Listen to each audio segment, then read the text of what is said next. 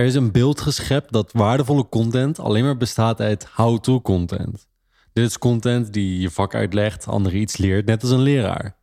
Het woord zelf misleidt ons van wat de betekenis van content echt is. Hey, dit is Arnoud en dit is A Drop of Ink.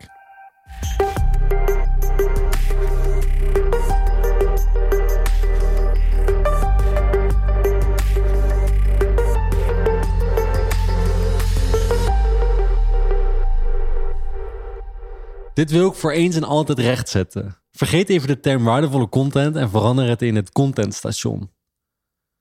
Stel dat jij je telefoon opent en je klikt op een van je favoriete social media apps.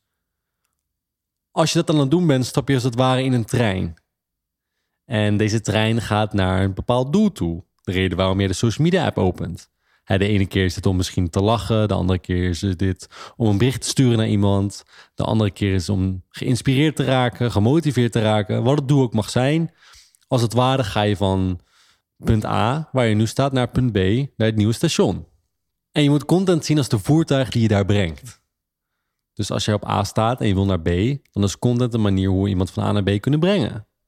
En dat is ook precies de reden waarom wij naar social media gaan. Om content te kijken, om ons een bepaalde emotie te geven, om ons op een bepaalde manier te laten voelen. En dat is wat de essentie van content is. Het is een vervoersmiddel, het is de trein die iemand van A naar B brengt. En in het begin, toen ik bezig was met mijn werk en met social media, en ik zocht van: oké, hoe maak ik iets wat een ander wil, wil lezen, wil bekijken? En toen kwam het heel erg op de term how-to content. En dit is content waarin je iets uitlegt, waarin je laat zien: nee, ik ben de expert, je vertelt iemand iets anders. Het is natuurlijk een hele makkelijke manier om en zowel je eigen kennis over te dragen en te laten zien van: hé, hey, ik weet waar ik het over heb. En iets toe te voegen aan een ander, van iemand die het wil leren. Alleen niet in elke hoek zal het op dezelfde manier werken. In mijn hoek werkt het enigszins wel, omdat ik iemand iets anders leer van wat ik doe en waar iemand beter in wil worden om zo dichter bij zijn droom te komen. En vooral in de servicehoek zien we dat het een hele goede en sterke manier is om te gebruiken in je content mix. Maar bijvoorbeeld een product verkopen is het veel lastiger. Stel je verkoopt lampen, dan heeft het weinig zin om uit te gaan leggen hoe een lamp werkt, want heel weinig mensen zijn er maar geïnteresseerd in. Dus dit betekent dat als je een product zou verkopen en we zouden alleen maar how-to content hebben, dat je een probleem hebt. En dit concept van wat waardevolle content is en dat het dus niet alleen maar how-to content is, werd voor mij na een jaar duidelijk toen ik hiermee bezig was. En ik dacht, oh, zo kan het dus ook. Ik was natuurlijk heel erg bezig met mijn visie, met mijn werk. En ik was natuurlijk een service, dus how-to content werkte perfect voor mij. Maar ik zag niet wat daar buiten nog meer was. En op een gegeven moment zat ik video's te kijken van een bepaald account toen de tijd. Dus nog voordat we reels hadden. En dat was vooral inspiratie over interieur. Ja, ik hou zelf ook al van mooie snufjes in interieur, minimalistisch. En langzamerhand wordt de collectie er steeds groter. Dus dat is super leuk. Maar ik keek naar die content en ik merkte dat ik het leuk vond. En ik dacht van, hé, hey, dit is de reden waarom iemand wil volgen. Maar ik weet ook dat als ik how-to content maak voor mijn doelgroep, dat mensen mij willen volgen. Dus dit betekent dat waardevolle content nog een laag heeft. En dat het niet alleen maar how-to content is. En toen ging ik denken, oh, maar wat er dan nog meer? En toen kwam ik eigenlijk op vijf types content waarvoor mensen een social media app openen. Pak je pen en papier, schrijf ze op. Want dit worden de basis van je content, van wat jij een ander gaat bijbrengen. En dit zijn de vijf punten die ik heb onderzocht waarvan ik weet van oké, dit is de emotie die mensen zoeken, uh, de reden dat mensen een app openen. Ik zal ze eerst alle vijf even opnoemen en daarna zal ik ze één voor één toelichten en uitleggen hoe ze werken en waarom ze werken. Nummer één is content die motiveert. Nummer twee is content die educatief is. Nummer drie is content die inspireert. Nummer vier is content die entertaint. En nummer vijf is content die connecties bouwt. Om welke reden dan ook jij je telefoon opent, om een van deze vijf redenen open jij je telefoon. Een van deze vijf redenen ga jij op social media. En als we weten dat dit de vijf beginselen zijn, dat dit de vijf stenen zijn die we moeten gebruiken om iets te maken voor een ander, wordt het opeens zoveel makkelijker en minder ingewikkeld. Heel veel mensen zitten vast bij: oké, wat moet ik maken? Wat kan ik maken op zo'n grote schaal dat het te doen is voor mij? Dat ik er genoeg tijd in kan steken en dat ik ook nog genoeg tijd overhoud voor andere zaken. En dan heb je deze vijf verschillende stenen. En nu zie je opeens van: oh, maar ik kan hierop bouwen, maar ik kan ook een beetje hierop bouwen en hierop bouwen. En deze vijf types zijn de basis voor elk huis. Zie het als het huis. Ik noem het ook wel het contenthuis. dit is de plek waar je al je ideeën en al je inspiratie verzamelt om later te delen met je doelgroep. En je kunt ook wel zeggen dat dit de vijf stenen zijn van het contenthuis. Dat als wij iets maken en het valt niet onder deze vijf categorieën, dat wij een probleem hebben. En vaak zien we dat er eentje is die het meest voorbij komt. En dat is nummer zes. En als het dus niet in deze vijf types content valt, dan hebben we een probleem. En vaak zien we dat mensen nog een zesde type hier aan toevoegen. En dit is ook wel verkoop. Dit is een aanbod doen en ervoor zorgen dat mensen van social naar hun platform gaan. Hè, wat bedrijven natuurlijk ook op deze manier gebruiken is aandacht verdienen op social, om op die manier die aandacht te verschuiven naar waarschijnlijk je website of een andere plek waar jij jouw valuta kunt vragen. Maar de reden dat iemand een social media app opent is niet om te kopen. Laat dat duidelijk zijn, dat weet je ook. Elke keer als jij social media app opent, denk je niet van... oh, oh ja, ik uh, ga maar een beetje rondkijken... en uh, als iemand mijn aanbod doet, dan uh, ga ik gewoon even kopen. nee, natuurlijk niet. Dat doet niemand. Dus kopen is niet een strategie die we moeten gebruiken... om constant aandacht te kunnen verdienen, want dat werkt niet. Het is goed om dit te verwerken in je mix... en op een gegeven moment de mensen die je al langere tijd kennen... te zeggen van, hé, hey, ik kan je nog beter helpen hierdoor... En mensen dan de mogelijkheid te geven om naar een plek te komen waar je ze beter kan helpen voor de mensen die daarvoor klaar zijn. Maar het moet niet een van jouw stenen zijn die de basis creëren van je content. Want dat is niet de reden waarom mensen terugkomen. Als je alleen maar praat over verkopen, verkopen, verkopen, dan gaat iemand niet bij je terugkomen. Oké, we gaan even in op de vijf types content die we hebben besproken. En de ene is content die motiveert. Nou, dit spreekt voor zichzelf. Denk aan alle quotes die we zien alle video's die we voorbij zien komen van mensen die zeggen: je moet dit doen, je moet dat doen. Die uitleg geven, die een gevoel geven van dit motiveert mij om iets te doen. Nou, dit soort content helpt je om uit te voeren wat je wil uitvoeren. Soms dan voel je je ook gewoon niet zo lekker. Dan denk je ook, ik heb even die motivatie nodig. En dan kan het lekker zijn om even op social te scrollen en dit soort berichten te horen. En waarom dit een manier is van content die mensen willen zien, is dat het een bepaalde emotie oproept. Wat het doet is, denk weer aan het station wat we aan het begin benoemden, is je wil van A naar B. Content is de trein die je brengt van A naar B. Dus als wij ons slecht voelen of beangstigend voelen en we willen ons beter voelen of we willen een beter vooruitzicht, motiveren is één manier om dat te bereiken. Wat motivatie verandert je emotie. En als wij onze content op zo'n manier kunnen vormen dat het de trein wordt die de emotie verandert van iemand, hebben we content die werkt. En trouwens, voor alle vijf punten die ik hier benoem, komt het allemaal neer op emotie. En als ik ze één voor één afga, zodat het steeds duidelijker wordt, steeds duidelijker zien van dat we niet een spel aan het spelen zijn van iets maken wat een ander alleen maar wil, maar dat we een spel aan het spelen zijn, dat we met emoties bezig zijn, dat we iets veranderen in iemand zelf, hoe iemand zich voelt. En niet alleen maar dat iets leuk is, maar dat we een verandering brengen. Dat is wat je zo langzamerhand zult ontdekken. Content die motiveert is dus een trein die ervoor zorgt dat iemand zijn emotie verandert. En meestal zoeken we dit stukje motivatie als we ons niet zo lekker in ons vel voelen. En helpt het ons om hè, dat stapje eroverheen te zetten. En ik wil nu een stap maken naar punt 3, want dit is content die inspireert. Heel vaak halen we motiveren en inspireren door elkaar heen, maar dat zijn twee hele andere dingen. Motiveren is net als die man in de gym. Weet je wel, ik zie dan een man met een kaal hoofd voor me, enorm groot, weet je wel, heel erg veel spierballen. Die zegt, ja, nog twee more, nog drie more. En doe het hiervoor. Doe het, voor je toekomstige vrouw, voor je toekomstige familie, voor toekomstig aanzien, bla bla bla. Dat is wat ik voor me zie. Dat is iemand die motiveert. wat motiveert doet, is betekent dat iemand iets tegen jou zegt. En die duwt je om verder te gaan. Dat is wat motivatie is. Het duwt je in de juiste richting.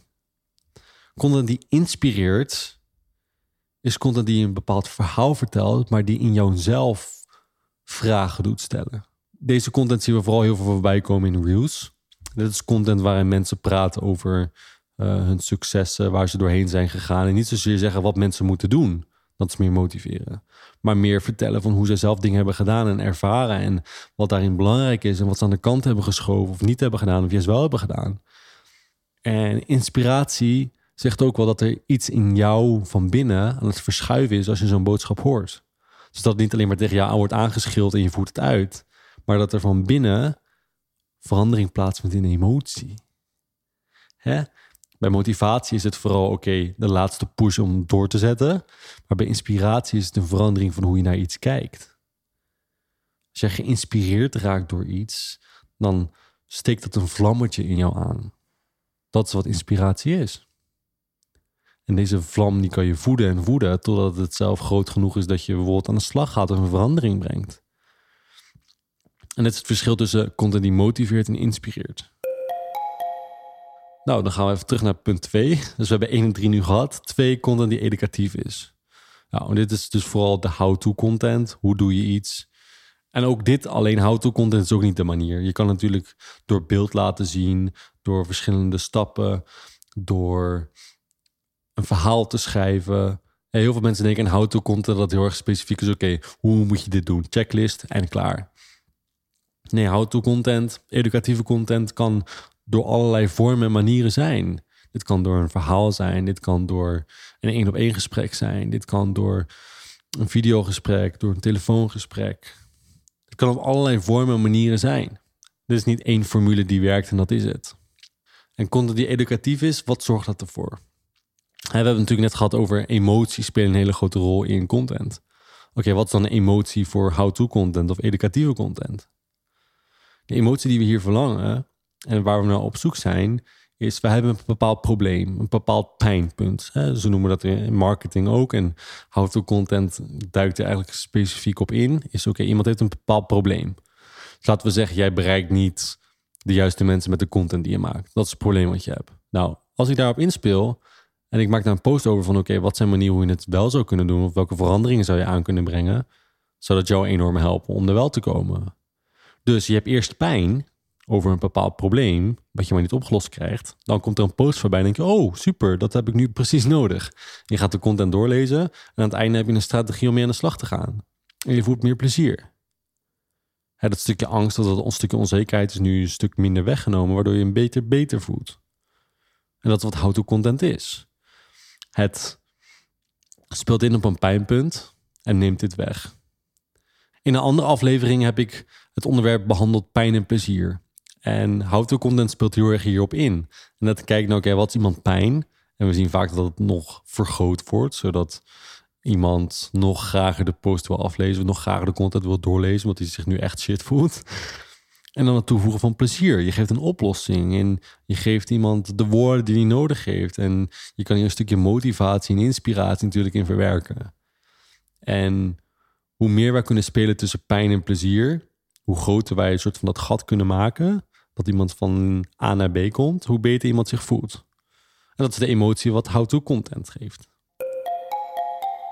Dan komen we bij punt 4, content die entertaint. Nou, dat kennen we allemaal wel. En alle grappige video's van de huisdieren tot uh, de comedies, tot mensen die korte grappige video's opnemen van hele herkenbare situaties. Vooral op social media zien we dit trouwens niet heel veel gebeuren, herkenbaarheid. Oh, en dit spreekt eigenlijk voor zich. De emotie die we hier zoeken en we krijgen is lachen. Lachen zorgt voor dopamine in ons hoofd en dat zorgt ervoor dat we ons goed voelen. Iedereen houdt van lachen. En dit is de simpele emotie die je overbrengt met dat soort content. En ook dit is dus waardevolle content, want dit verandert iemand zijn emotionele staat. Het maakt impact op iemand. En dat is wat waarde is waarde betekent niet op de lange termijn dat het altijd iets moet toevoegen, maar op het moment dat het emotie verandert. En natuurlijk, ik hou er wel heel erg van om content te maken op zo'n manier dat het op de lange termijn echt wat doet en dat mensen er ook daadwerkelijk echt wat mee doen. Dat is wel waar ik voor sta en ik in geloof. En ik niet alleen maar content maak om de leuk.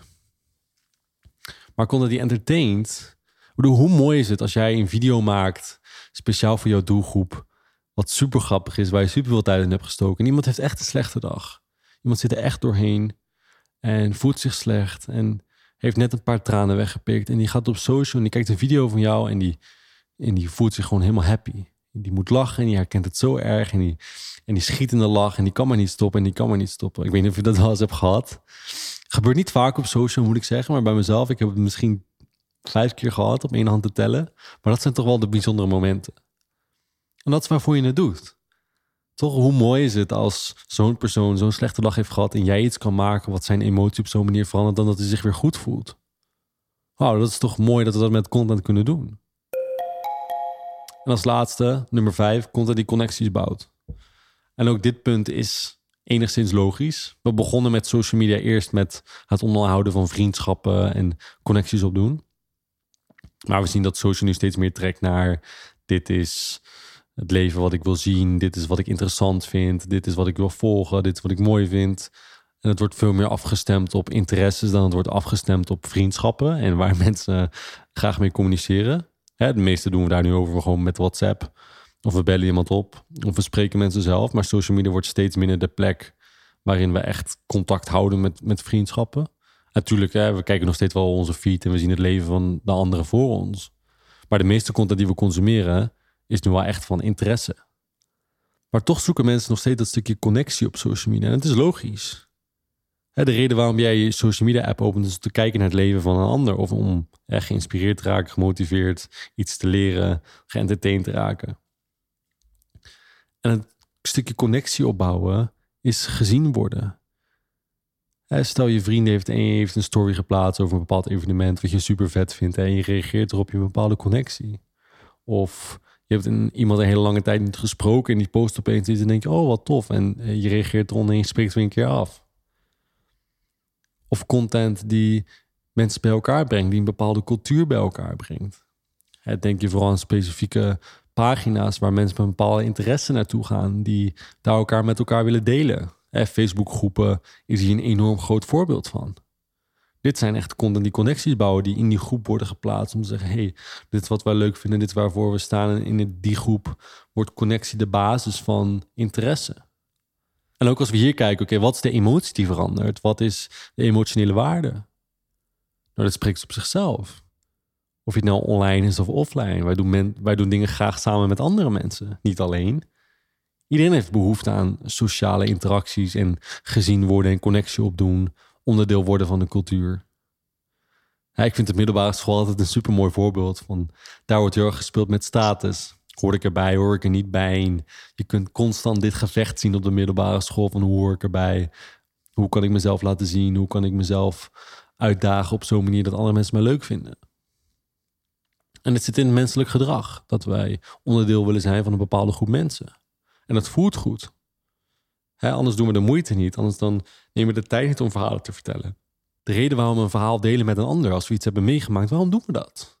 Omdat het beter voelt. Als jij iets moois hebt meegemaakt, hoe fijn is het dan als je het aan je partner kan vertellen? Of hoe fijn is het dan als je het met je vrienden kunt bespreken? Het zorgt ervoor dat je vreugde nog groter wordt. En die emotie spreekt voor zich dat wij kunnen delen in iets wat wij leuk vinden, interessant vinden. als we dat delen met een ander van mensen waarvan we houden. Of mensen die dezelfde interesse in hebben en hun daar een reactie op kunnen geven. Hoe mooi is dat? Je voedt elkaar.